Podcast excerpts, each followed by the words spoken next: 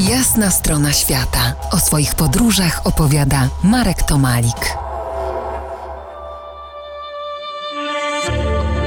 No to jeszcze raz, w niespełna trzy minuty z kopca Kościuszki do Kalkuty.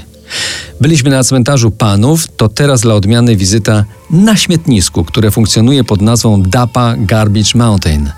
Codziennie przywożą tu 4000 ton śmieci, z których żyje 30 tysięcy ludzi. Dosłownie żyje, przegrzebując je, szukając tego, co można z nich jeszcze odzyskać. A jest tam prawie wszystko: przeterminowane medykamenty, szmuglowane towary, nawet złoto i martwe dzieci. Hekatomba XXI wieku. Szperający, pracujący tu ludzie rzadko dożywają pięćdziesiątki, a to ze względu na skażenie biologiczne i dym z pożarów, które wywołują biogazy. Krużlica dziesiątkuje zbieraczy śmieci, ale na ich miejsce przychodzą nowi, którzy chcą chwilę popracować, chcą chwilę pożyć. U podnóża góry są pola uprawne z kapustą, a w ich pobliżu niekończące się wyglądające jak slamsy baraki, w których śmieci przerabia się na wartość ciut wyższą.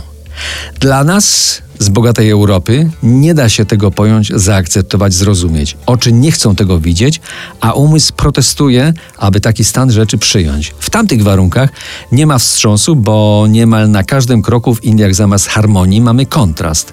Tak, trzy kilometry dalej jest super nowoczesna elektrownia atomowa.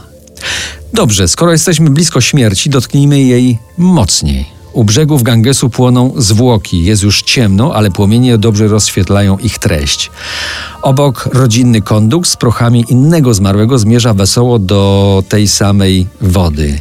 Cieszą się, bo człowiek, co zmarł, bardzo cierpiał przed śmiercią, a ta przyniosła jemu i jego rodzinie ulgę. Dobra śmierć. Oddalając się od tego miejsca, widzę jakieś podejrzane szepty w otwartym, choć ciemnym budynku obok. Wyczuwam bardzo złą energię. Co to, pytam Rajesha. To czarownice. Tu się zamawia klątwy. Na przykład, aby sąsiadowi zdechła krowa. Mój przewodnik Rajesh po tych wszystkich wrażeniach zabiera mnie na piwo na dach swojego domu. Piwo jest ciepłe, a moje oczy niemal zamknięte. Podsuwa mi laptop i mówi: Popatrz, to film dokumentalny o rikszarzach w Kalkucie. Zrobiłem go sam. Wtedy zapala mi się lampka, która nie gaśnie. Kilka miesięcy później, po wielkich trudach natury proceduralnej, udaje mi się sprowadzić Rajesha na kolejną edycję Festiwalu Podróżników Trzy Żywioły do Krakowa. A za tydzień zabiorę Was do północnej Algierii. To była jasna strona świata w RMF Classic.